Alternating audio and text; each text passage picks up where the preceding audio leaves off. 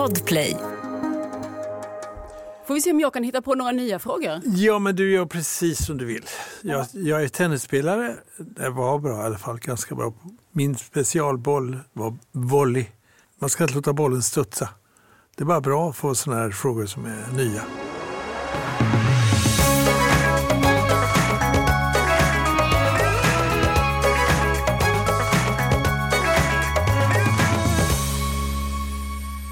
Titeln toppdiplomat räcker nästan inte till för att beskriva Jan Eliasson.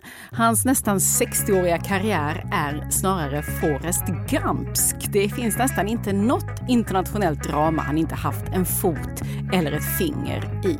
Det ska handla om ord och handling, ett liv i diplomatins tjänst som också är titeln på hans nyutkomna memoarer.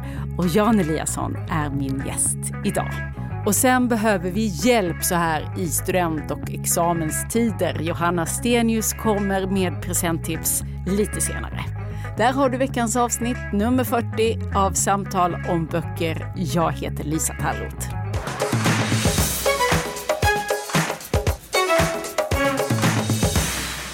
Varmt välkommen hit Jan. Tack så mycket.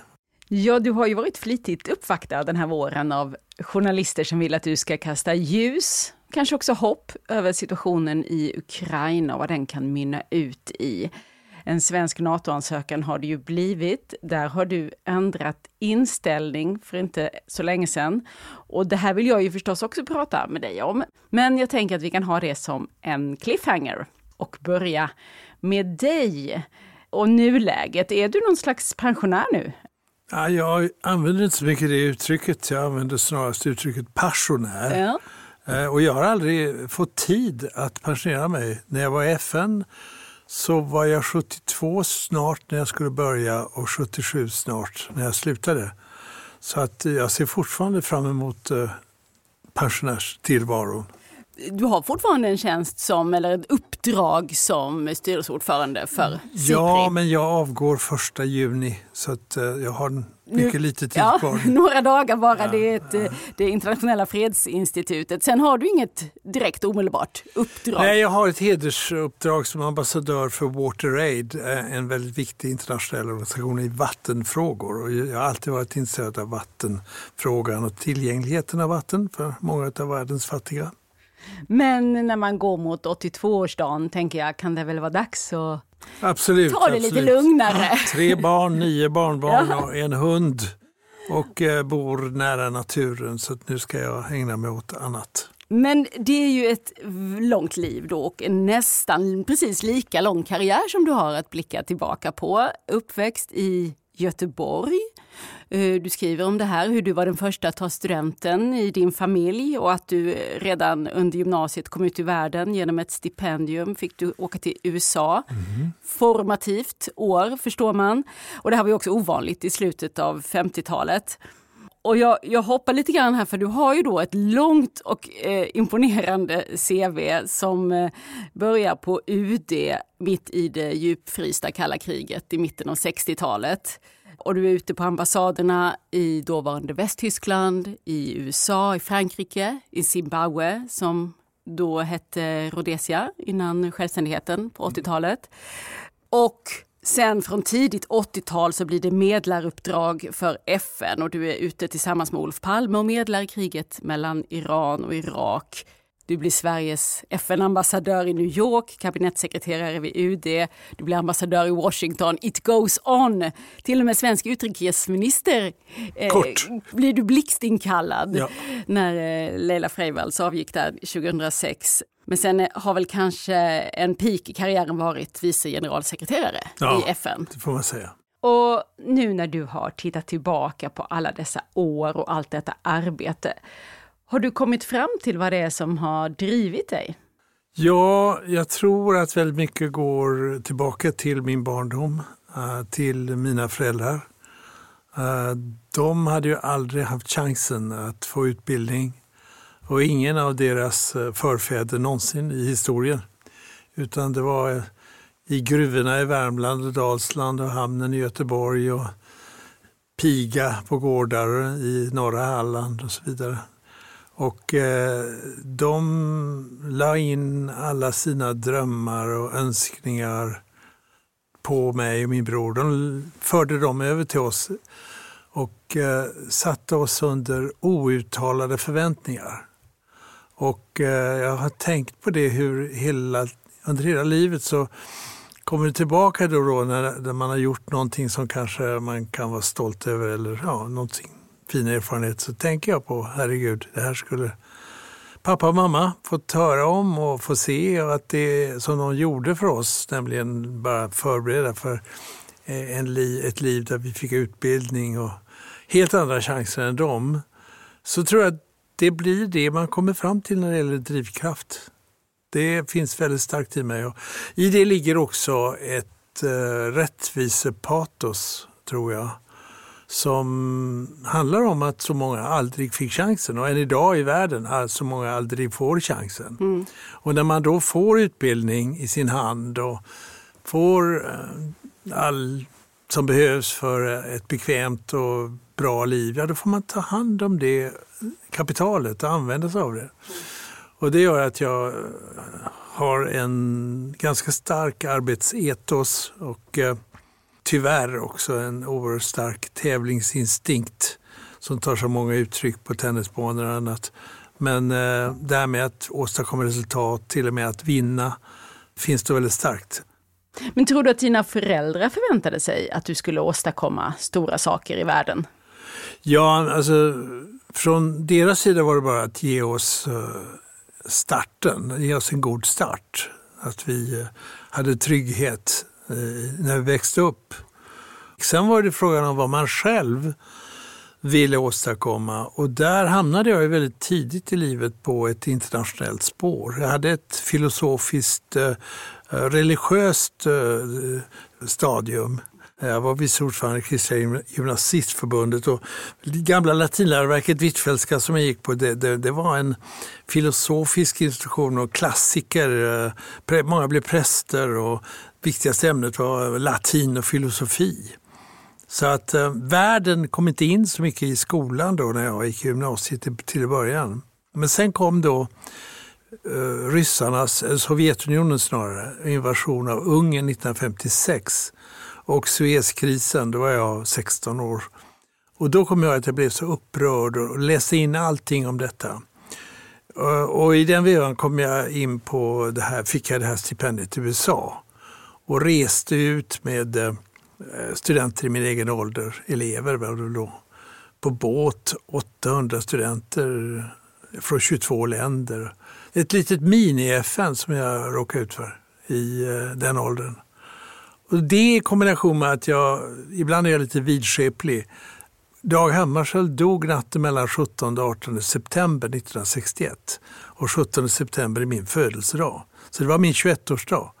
Och jag var med marinen på en överlevnadsövning eh, i Kvarken uppe i Bottenviken. Och då var jag helt övertygad om att jag skulle arbeta i UD eller FN eller något internationellt. Så att eh, det började redan vid 16-17 års åldern och sen riktades det in ännu mer, ännu mer på FN och UD när jag var 21. Och Dag Hammarskjöld har varit en ledstjärna för dig. Det skriver du också mycket om i boken. Du skriver mycket om honom.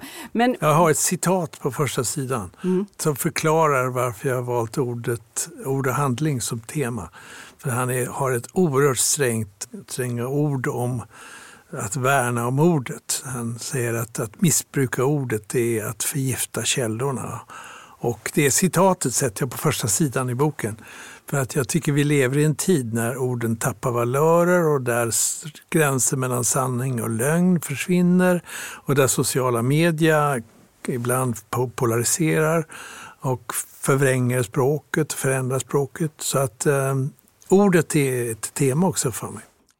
Men jag tänker då på den här engagerade 20-åringen som du var, om han förstod vilken eh, trögrörlig materia politiken och diplomatin är. Eller det är så jag föreställer mig det i alla fall, att det ju inte kan vara helt lätt att veta när man åstadkommer reell nytta på en arbetsdag. Det är långa processer, det är stora förhandlingar, kompromisser där man kan landa långt från målet.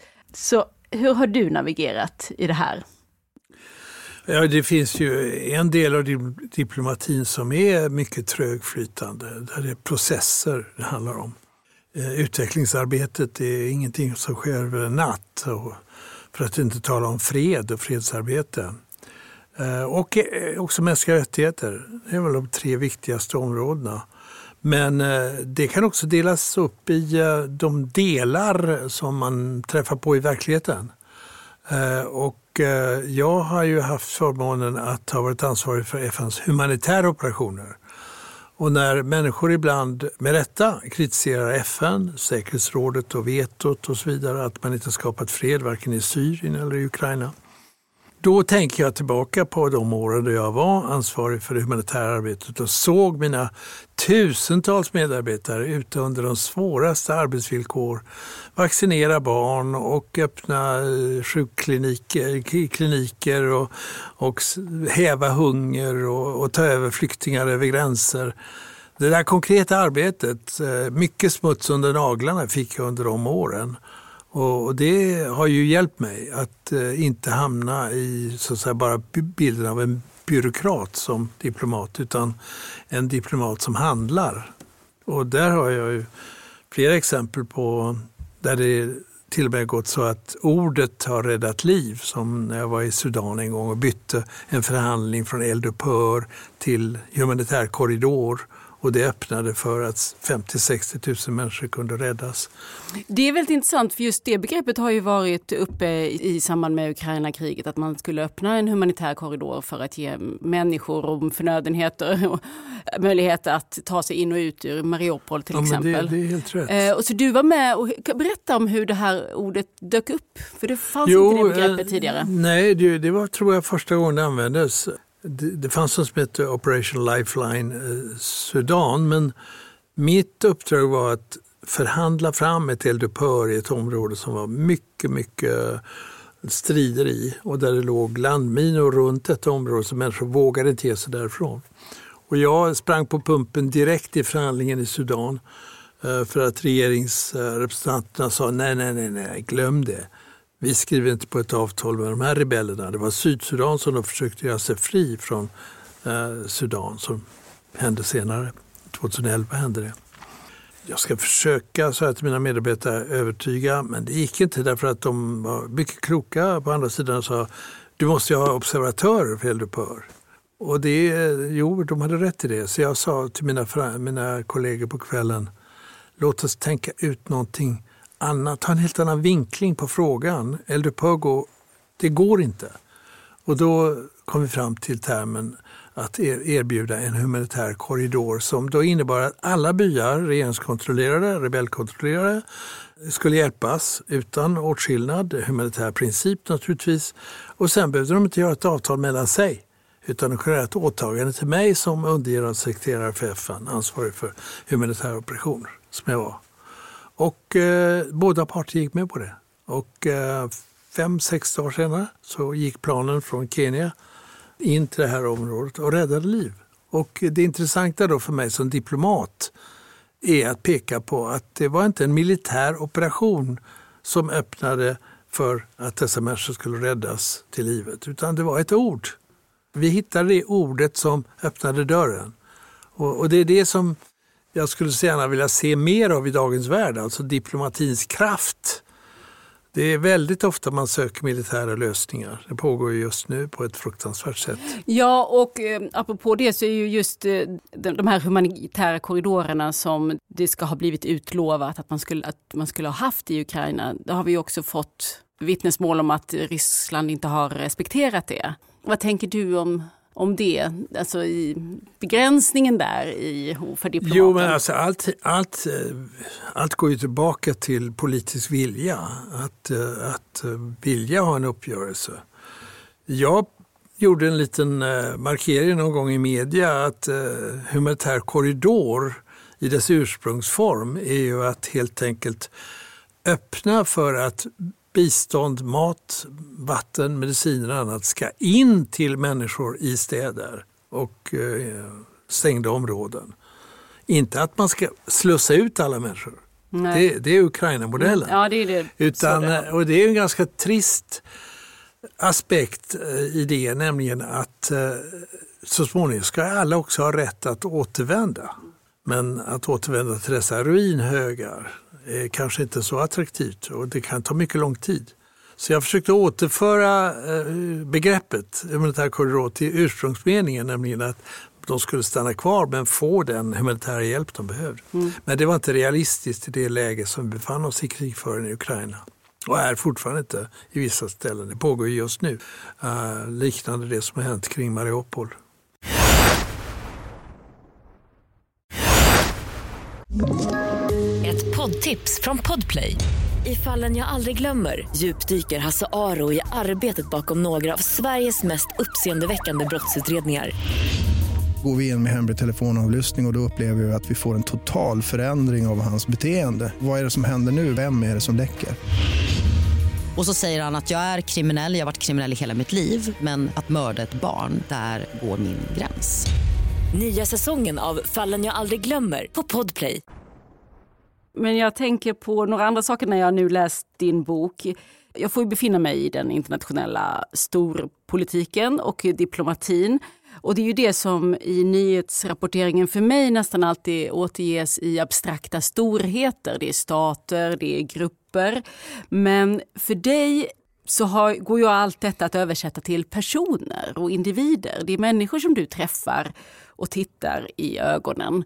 Och du skriver en hel del om det, om utrymmet för individer och för personliga relationer i världspolitiken. Och du citerar Eivind Jonsson, är det från eh, Krilon? ja, eller också romanen om Olof, jag kommer inte ihåg. Där han skriver i alla fall, eh, han har en eh, diplomat där. Han skriver så här att det var först när han vågade vara personlig som han började erövra världen. Och när började du våga vara personlig? Ja, och vad betyder det för dig? Jo, det är en bra fråga, men det där läste jag som tur var när jag var 25-30 år. Och eh, den där meningen etsade sig fast i hjärnbarken uh, för min del.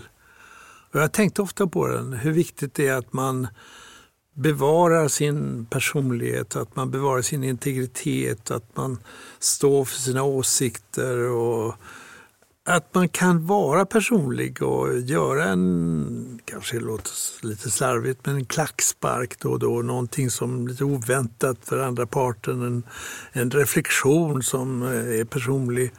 För när jag tittar tillbaka på mina, mina misslyckanden och framgångar så ser jag eh, många av framgångarna som går tillbaka till något ganska orationellt. Att jag har sagt och gjort någonting eh, nästan på skämt. Och, eh, eller någonting personligt, till och med rörande personligt ibland. En minnesbild, tagit fram den, pratat med min motpart som ingalunda är van vid, hade varit van vid byta spår från det professionella till det personliga. Men det var det som i efterhand han, för det är oftast en han, kom ihåg.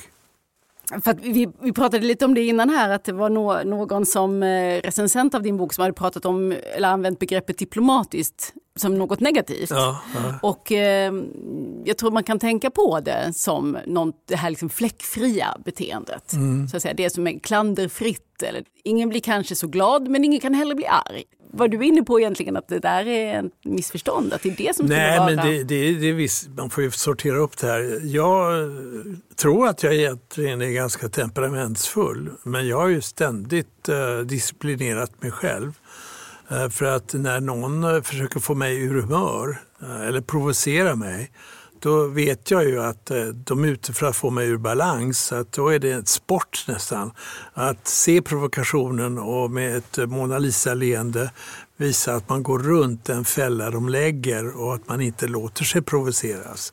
Så att eh, det, det finns ju gränser också. Diplomatin är ju en viss jag ska säga, disciplineringsprocess och eh, särskilt när det gäller val av ord. Det är ju, det är ju otroligt viktigt att välja rätt ord. Men jag menar att man eh, kan berätta om sig själv och man kan berätta om en händelse som är meningsfull. Jag skrev ett, ett, ett, brev till en kollega som hade blivit av med sin... Eh, den som hade fått, hans fru hade hamnat i en fruktansvärd bilolycka. Jag skrev ett eh, medkännande brev till honom och hon överlevde som tur var. Men jag träffade honom sex år senare. Det var min algeriska kollega i FN då jag var FN-ambassadör. Han mötte mig på flygplatsen i Alger och sa, men herregud, du behöver inte möta mig här, vi, kan, vi ses vid hotellet. Nej, jag vill möta dig. Ja, vi hade ju ett fantastiskt arbete så här, tillsammans. Vi gjorde det, Mellanösternresolutionen då, det året. Nej, nej, det är inte det jag menar. Det var ditt brev. Det brevet som du skrev till mig när min fru låg för döden. Det kommer jag ihåg och det har jag haft i min skrivbordslåda i sex års tid nu. Det hade jag ju nästan ja, det hade glömt. Det är bara ett konkret exempel, att, våga, att göra det, tillåta sig detta. Därför att vi måste mötas, men vi måste också mötas mer och mer som människor som enskilda människor, personligheter. Till slut är det alltid en människa. Vare sig det är Saddam Hussein eller Gaddafi eller vilka jag nu har mött. Ja, det är ju lika, lika goda som dåliga nyheter på något sätt att till slut är det en människa. För ja, att om ja. den personen är Saddam Hussein som du också har suttit öga mot öga med. Mm, mm. Hur personlig vågade du vara då? Måste vara helt livrädd i den där situationen för ja, alltså, att trampa snett. han var nog det mest skrämmande man har sett. Alltså, särskilt när jag visste vad han hade gjort med sina meningsmotståndare. Nej, jag var där gällde det bara att inte låta sig skrämmas. Och eh, jag ställde ju frågor till honom som han aldrig hade fått. Eh, hans medarbetare hade aldrig vågat ställa den fundamentala frågan som det handlar om i Iran-Irak-kriget, nämligen om Irak respektive eh, Iran vore berett att gå tillbaka till den internationellt erkända gränsen. Jag ville veta grundförutsättningen för förhandlingen, vad han sa på den frågan. Men när jag ställde den till honom så då höll ju de här medarbetarna på att svimma. Jag, jag såg hur de tappade blod praktiskt taget. No, aldrig någonsin hade de fått den frågan. Och det är väl det som men då var det ett vågspel. Han kunde lika gärna blivit tokig där och ja, kört ut dig och sagt att jag, nej, som förolämpning. Jo, nej, men han höll föreläsning på en halvtimme om varför iranierna hade ställt till det här mm. för dem och tvingat honom att gå in i landet och så vidare. Eh, men sen så, det, det mest plågsamma för mina medarbetare var att efter två timmars förhandling så säger han, jag kommer ihåg er fråga. Följ mig, sa han. Då trodde de att jag skulle föras till ett rum och sen försvinna för alltid. Men det trodde jag inte. Men jag bad du för trodde säker... inte det? Nej, men jag bad för säkerhets skull ta med min delegation. Eh, och då drog han in mig i kartrummet där han med stor eh, stav pekade hur stora erövringar de har gjort efter eh, iranska provokationer och så vidare. Så att det var det äventyret. Men ehm, när du har suttit nu och, och tänkt igenom alla dessa år som du har jobbat, har du kommit fram till något, några punkter där du känner att du har tvivlat på dig själv och din egen... Vad, när gör du det? I vilka situationer? Jo, jag har tvivlat, jag har tvivlat på mig själv ganska ofta och, och på senare år har jag ju som vice generalsekreterare i FN lidit av att vi inte fått ett enigt säkerhetsråd kring Syrienkriget. Men klandrar du dig själv i de här lägena? Äter det på dig personligen? Ja, jo, det är klart. Men jag, jag vet att jag försöker... Det finns ett franskt uttryck som säger att uh, den fria människan låter ett intet falla ner bakom sig. Uh, jag går inte och grämer mig över det. Mm, jag har säkert gjort många misstag. Uh, till exempel så, så är har ju anledningen till att, anledningen att misslyckas eller lyckas i förhandling. Jag säger först ordet, men sen ett annat viktigt skäl är tidpunkt. Och där kan man ibland ha för bråttom. Och jag tycker det är väldigt viktigt att välja rätt tidpunkt. Och om jag misslyckas några gånger så har jag tänkt på efteråt att jag la nog fram det där förslaget för tidigt. Det var inte moget. Eller också gjorde det för sent. Men som sagt, man vinner inte så mycket på att gräma sig. Eh, Olof Palme sa en sak till mig också som har eh, präglat mig ganska mycket. När jag var hans eh, diplomatiska rådgivare och kom med en lista med frågor för honom. Och då gick jag fram lite snabbt på dagordningen. Olof Palme, Jan, stopp, stopp. Kom ihåg en sak, ett helsike i taget. Men då var fokuserad på det du gör. Gör det hundraprocentigt, var inne i det ögonblicket. Tänk inte varken bakåt eller framåt. Men eh, jag erkänner, herregud, det har gjorts misstag. Både den institution jag har representerat och jag själv. Mm. Min insyn i den här världen, din värld, UD, säger mig att det är en rätt hård miljö. Att det är många karriärister med vassa armbågar. Människor som är så stressade att de behöver sova med bettskena för de ligger och oroar sig för att inte räcka till. Um, kan du känna igen det? Att det är höga personliga insatser i den här jo, världen? Jo, det är det. Alltså, jag har bott 23 år utomlands. Och eh, hustru Kerstin och jag, vi räknade ut att jag hade varit utan familj sju år av dessa 23 år. Så att eh, det har varit offer man gör. Och ofta är det ju inte eh, champagneglas i uh, vackra lokaler utan det är eh, platser där det råder amöbadysenteri och där det ligger landminor där man går och, och eh, där du inte får någon sömn eller i Nagorno-Karabach kommer jag ihåg att det var fullständigt sönderbombat eh, och det var 10 grader kallt ute. Det fanns inte ett fönster som var helt i, i det så kallade värdshuset. Så att det är ingen lyxtillvaro. Det är självklart så att förhandlingar pågår oftast i huvudstäder, man bor på hotell och så vidare. Men herregud, när man är ute på fältet så är det verkligen en tuff verklighet. Och belastningen är hård eh, på att det är förväntningar att man ska åstadkomma fred och utveckling och respekt för mänskliga rättigheter och som långa processer också. Och man har förväntningar på sig själv också. Men eh, ändå är det ju ett fantastiskt yrke. Alltså jag ångrar inte ett, en minut i mitt liv. Alltså även mina svåra perioder har varit en del av min skola och eh, jag känner mig oerhört tacksam över att jag fått vara med om så här mycket. Tänker du i sådana banor, att lägga i vågskålarna eh, om det har varit värt det och vad, vad det har kostat, vad du har offrat och vad du har vunnit? Är det liksom en... Nej, det var när jag skrev boken mm. som jag började fundera på detta. Mina minnen låg ju inkapslade i 30 volymer eh, dagböcker som jag haft sedan 1980. Jag var 39 år gammal och eh, min chef, Sverker Åström just, Eh, han sa nu Jan, nu går du ut på världsarenan och eh, nu kommer du vara med om saker som andra kommer att vara intresserade av att veta vad som hände. Så nu får du lova mig att du skriver, skriver dagbok, kanske inte varje dag men en gång i veckan eller så. Och det hade jag inte gjort dessförinnan. Jag skrev väldigt mycket under alla förhandlingar som jag gjorde.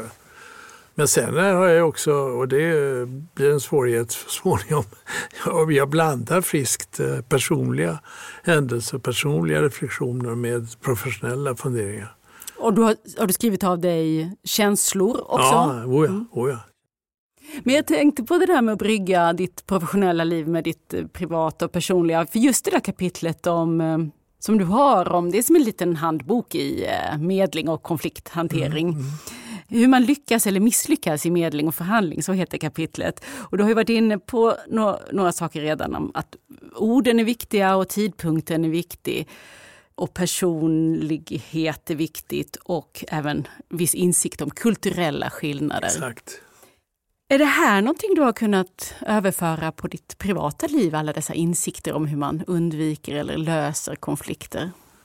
Det tror jag, för att eh, jag märkte när jag höll den första föreläsningen om det här temat så var det flera stycken som kom fram då, men också framförallt senare som jag träffade, som sa att de hade haft oerhört stor glädje av det här. Inte bara i sitt professionella liv, utan också i sitt personliga liv.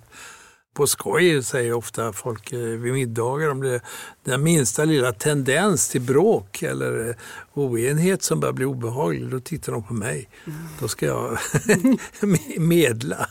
Tror du att dina tre barn skulle säga att du har varit en bra konflikthanterare? Nej, det, får, det vågar jag inte säga, men vi har, det är så otroligt roligt för mig att vara hemma nu med dem. Därför att de har tre barn var och eh, det är en enorm rikedom att vara med dem. Eh, och de har ju levt med Kerstin och mig i det här livet. Men det som ju eh, liksom spricker ut lite i kanterna här ändå, eh, trots att alla dessa insikter och som man också läser i boken, det är ju att irrationalitet och känslor som tar över stup i kvarten i stora som små konflikter. Att även om man vet bättre så lyckas man kanske ändå inte leverera eh, den här coola förståelsen och tålamodet som en eh, situation skulle må bäst av. Nej, det, man får ju också vara realist och känna av situationen och inte tvinga fram något som inte finns. Så, eh, när det gäller förhandling gäller det ju hela tiden att fånga upp vad den andra parten säger och fånga upp ett nyckelord. Om ett ord kommer tillbaka hela tiden i hans, ofta är det han, hans argumentering, då, då säger man det här ordet är viktigt och så tar man upp in det själv och bakar in det i sin egen, sin, sitt eget språk. Och när då det kommer tillbaka till honom med hans eget ord inbyggt, men för min del acceptabelt inbyggt, då är 50% större chans att det går igenom. Det här med att lyssna också, det är det här som min pappa alltid sa, det är ingen slump att vi fått två öron och bara en mun.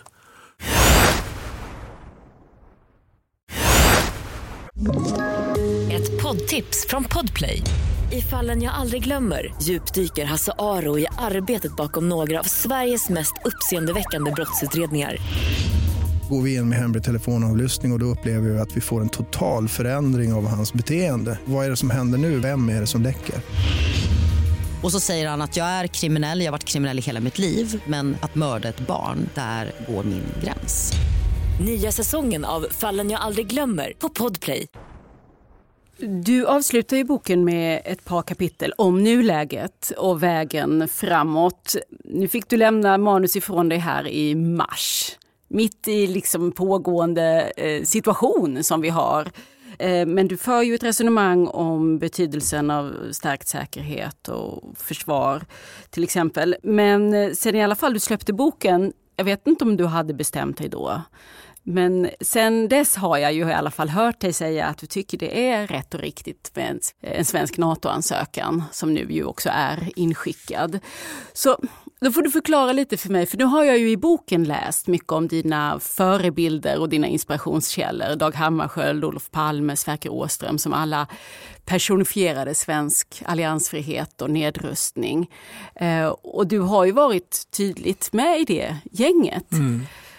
Så varför har vi nu plötsligt mer att vinna på ett NATO-medlemskap? Nej, men du har formulerat det väldigt eh, bra nu. Eh, jag har ju arbetat hela mitt liv i, för Sverige och svensk utrikespolitik grundat på alliansfrihet och tidigare som vi sa neutralitetspolitik. Det går ju tillbaka till Karl XIV Johan. Två, eh, mer än 200 år och jag själv har ju då arbetat med personer som oerhört kraftfullt drivit denna linje och jag har själv stå, varit stolt över den. Och hela tiden också till exempel samordnat mycket av all säkerhetspolitik med Finland under dessa år. Det är en eh, Pavlovsk reflex.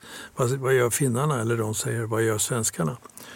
Så att när den här frågan eh, restes nu successivt efter ryska krigföringen eh, i Ukraina så hade jag en svår beslutsprocess. Jag skrev boken och då var jag inte, då fanns frågan kanske inte uppe. Jag skrev ju den klar, men la till en epilog eh, som förde upp den lite grann. Men även då så hade jag en mycket svår beslutsprocess. Jag tror jag bestämde mig bara någon vecka innan eh, regeringen hade bestämt sig.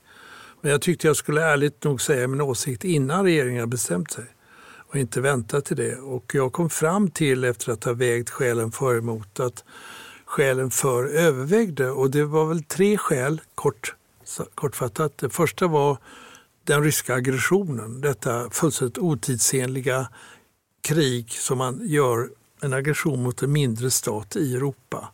Ett krig på nytt i Europa med den här, av den här karaktären. Men sen också att det har övergått att bli ett krig som till stora delar är krigsförbrytelser och som går över gränserna till de krigets lagar som också är etablerade. De har lämnat inte bara folkrätten utan också den humanitära rätten och eh, kraven på att icke begå krigsbrott och krigsförbrytelser. Och det tredje skälet det har att göra med att jag, som du också ser i boken, är bekymrad över demokratins ställning i världen. Eh, vi ser vad som händer i Ryssland, vi ser vad som händer i Kina. Vi ser vad som händer till och med bland vissa EU-länder, Ungern framförallt. Vi ser eh, auktoritära regimer ta över överallt, eh, inte överallt men på många ställen. Och då gäller det verkligen att stå upp för demokratier. Och här är det ju en stormakt som är en diktatur och som angriper en demokrati i Europa. De här tre eh, skälen gjorde att jag efter viss vånda kom fram till att uh, vi skulle ta detta steg.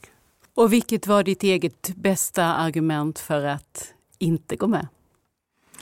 Ja, det är väl att uh, jag var orolig för att vi skulle tappa vår färg, vår kulör, vår profil. Att uh, utan hänsyn till allianser säga precis vad vi tycker i olika frågor. Som vi gjorde under Vietnamkriget gentemot USA, Afghanistankriget gentemot Sovjetunionen.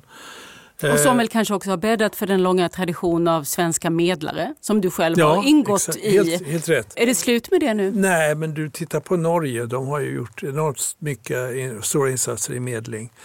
De utnyttjade det förhållandet att Sverige gick in i EU 1995. Då såg de en nisch öppna sig och mycket skickligt byggde upp en jättestor kapacitet och, trä och utbildning för medling och annat. Och det ska vi fortsätta med, absolut. Det är därför jag sa tidigare, det är viktigt att vi värnar om diplomatin. Men jag tycker också att vi ska värna om nedrustning. Jag tycker det är ett det är ett historiskt eh, hot eh, som kärnvapen utgör. Ja, jag tänkte att det har varit den springande punkten länge ja, för ja. dig och den krets du tillhört. Ja. Vi har ju många, haft många försvarssamarbeten och allianser och vänner där ute genom EU och genom den här nordeuropeiska samarbetsorganisationen. Men nu har vi ju ändå öppnat för att ingå i en kärnvapenallians. Det är ju liksom skillnaden.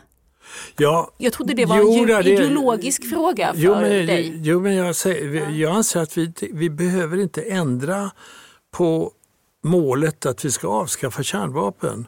Jag påminner ofta om att 1985 träffades Gorbatjov, ryske presidenten, ryske ledaren. Han träffade Reagan, president Reagan och de sa då att kärnvapenkrig får aldrig utkämpas och kan aldrig vinnas. Den formen gäller än idag. Det är ett vapen som inte får användas. Och det används, om det används så är det avsett från Natos sida, men också från andra egentligen, som avskräckning för krig. För går man, tar man det extra steget, vilket tyvärr nu också eh, Putin hotat med, då är det en gemensam förintelse vi går emot. Och, och det är vansinne. Så att anledningen att kärnvapendimensionen finns för NATO det är ju att kärnvapen finns i Ryssland och kärnvapen finns i Kina. Och alla de här kärnvapenstaterna sitter på sina vapen och använder dem som avskräckning för att då inte hamna där utan hålla det till ett så kallade konventionella krig, vilket ingalunda är något positivt. Men hur som helst så, så eh, vill jag säga att vi ska fortsätta, tycker jag, eh, att eh, arbeta mot användning av kärnvapen. Det är, det är en rimlig politik och riktig politik och ska vi driva även inom NATO. Och framförallt ska vi sticka ut hakan och tycka saker om mänskliga rättigheter och, och, och visa den, de värderingar som vi står för som demokrati och, och, som ett land som tror på fred, utveckling och mänskliga rättigheter. Det var min förutsättning också för att eh, ta det här beslutet att vi inte skulle så ser nu bara inordna oss i ledet och ta någon slags minsta gemensam nämnare i NATO. Du eh, är ju i allra högsta grad engagerad i dagspolitiken fortfarande.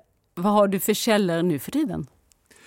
Ja, jag har ju varit utrikesminister i en socialdemokratisk regering och eh, har mycket nära kontakter med flera av dem. Eh, de är betydligt yngre än jag men eh, vi har, jag har väldigt nära kontakt med, med många i regeringen och även i riksdagen. Och, eh, sen eh, är jag en flitig läsare. Min fru klagar över allt jag läser. Jag läser New York Times varje dag.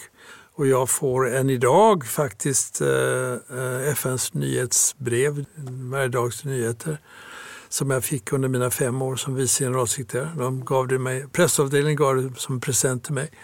Så jag, jag följer internationell utveckling väldigt nära och så samlar jag på mig de här erfarenheterna och det var, det var väldigt nyttigt att skriva boken därför att boken gav mig en egen överblick också och jag kunde väga vad som var viktigt och oviktigt under det som jag varit med om.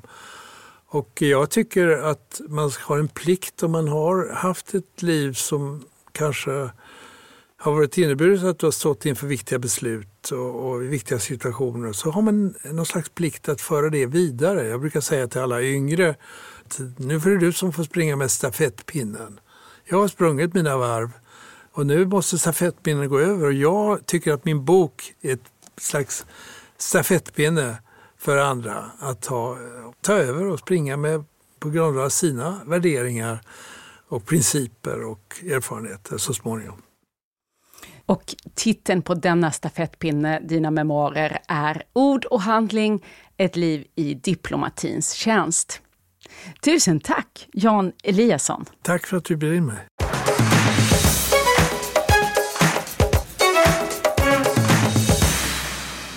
Hjälp sökes och hjälp finnes här. Johanna ja. Stenius, hej! Hej, vad bra att du har kommit hit med tips på vad man kan ge till studenter till exempel. Eller någon som går ut nian eller någon som... Eller bara till sig själv för att man vill ha en rolig bok. Ja. Och jag har tyckt att eh, kokböcker och sånt där är ju självklart att man ger bort i studentpresent. Men det kan man faktiskt äta upp själv. Så jag har tagit med lite andra tips.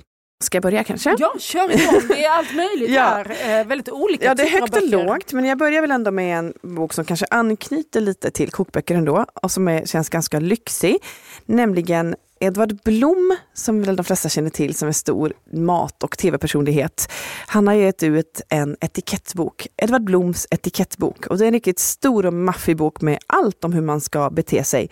Allt från när man ska flytta hemifrån till när man ska gifta sig eller när man när man ska på en stor fest. Och han berättar om, ehm, om etikett helt enkelt. Och vad betyder olika begrepp? Vad betyder en jackett? Och vad ska man ha på sig när man ska på en viss sorts tillställning? Allt finns i den här boken. Alla etikettfrågor man någonsin har grubblats över. Och han blandar det här med lite små personliga anekdoter med sin väldigt speciella ton som han har.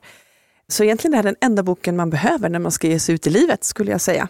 Oj, det var inte dåligt. Mm. Edvard Bloms etikettbok. Ja. Den andra boken jag har tagit med mig kommer ut just den här veckan och kanske också har lite med fest och tillställningar att göra. Nämligen Bäst i test. Tv-programmet känner ju många till med David Sundin som också nu finns i bokform och nu är precis nummer två kommit, Bäst i test 2. 201 och en halv nya tester för hemmabruk. Det är väl lite motsatsen kan man säga. Alltså det där, här får man veta hur man inte ja, ska bete sig. Men det kanske är så här att om man först lär sig att bete sig, ja. då kan man också bryta mot normen på ett roligt sätt. Men man kanske först ska ta det ena och sen kan man vara lite galen. Ja, jag anar en dubbelpresent här. Två Väldigt roligt ja. ja. För, att, för att vad jag har plockat upp från det här tv-programmet Bäst mm. i test så handlar det väl mycket just om att eh, olika ganska knäppa utmaningar och lekar. Ja men och, precis, mm. Väl, men, knäppa men alltid ändå snälla tycker mm. jag. Vi hittade ju precis ett test här om vem man kan ha på sig cykelhjälmen längst till exempel. Det är ett test som kan sträcka sig över flera veckor. till exempel. Så det kan ju vara högt och lågt. Men det är i alla fall väldigt många roliga tester som passar till väldigt många tillfällen. Och för, man kan också välja till väldigt många olika sorters personer. Och det finns också ihopsatt liksom, tester för olika typer av tillfällen här. För testfest, eller midsommarfest, eller jobbfest eller konferensdag och sådär.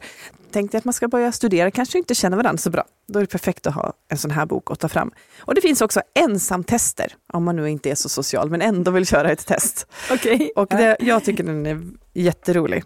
Och jag har använt hans första bok ganska mycket hemma. Och jag är glad att det har kommit en till nu. David Sundins alltså. Bäst i test 2 är det som är alldeles ny nu, men då finns det en uh, första. Det finns en första mm. också, men Bäst i test 2 då, gärna i kombination med Edvard Bloms etikettbok kan man säga då. En tredje bok som jag har med mig är kanske något, det är något helt annat.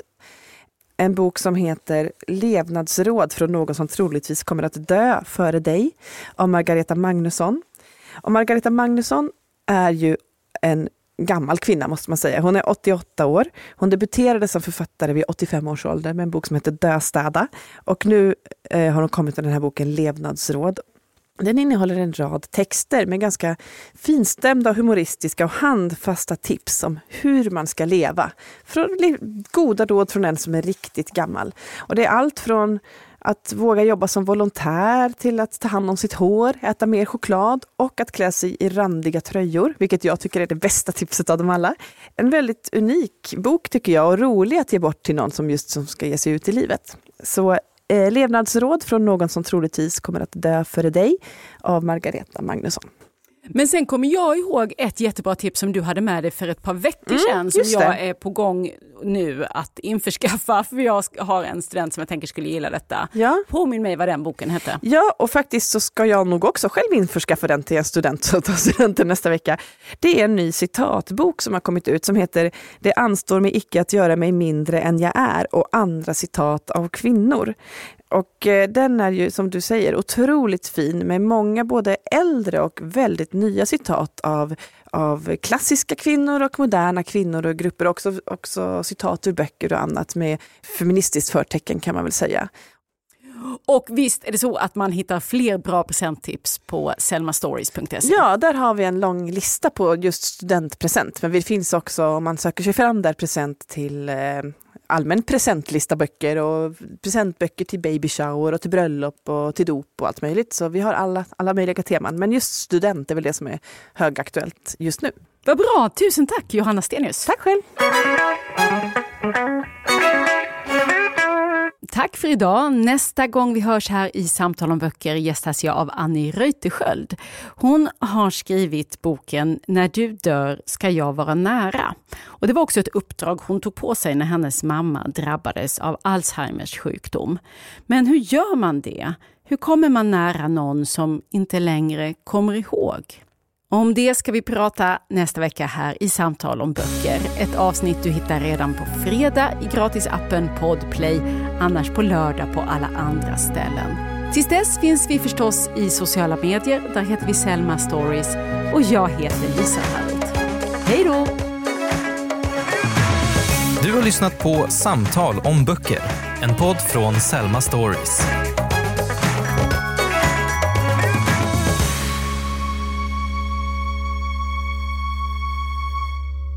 Podplay.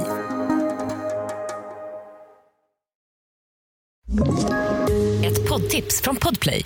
I podden Något Kaiko garanterar östgötarna Brutti och jag, Davva, dig en stor dos skratt. Där följer jag pladask för köttätandet igen. Man är lite som en jävla vampyr. Man har fått lite blodsmak och då måste man ha mer.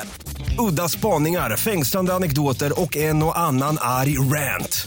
Jag måste ha mitt kaffe på morgonen för annars är jag ingen trevlig människa. Då är du ingen trevlig människa, punkt. Något Kaiko, hör du på Podplay. Därför är gardinerna.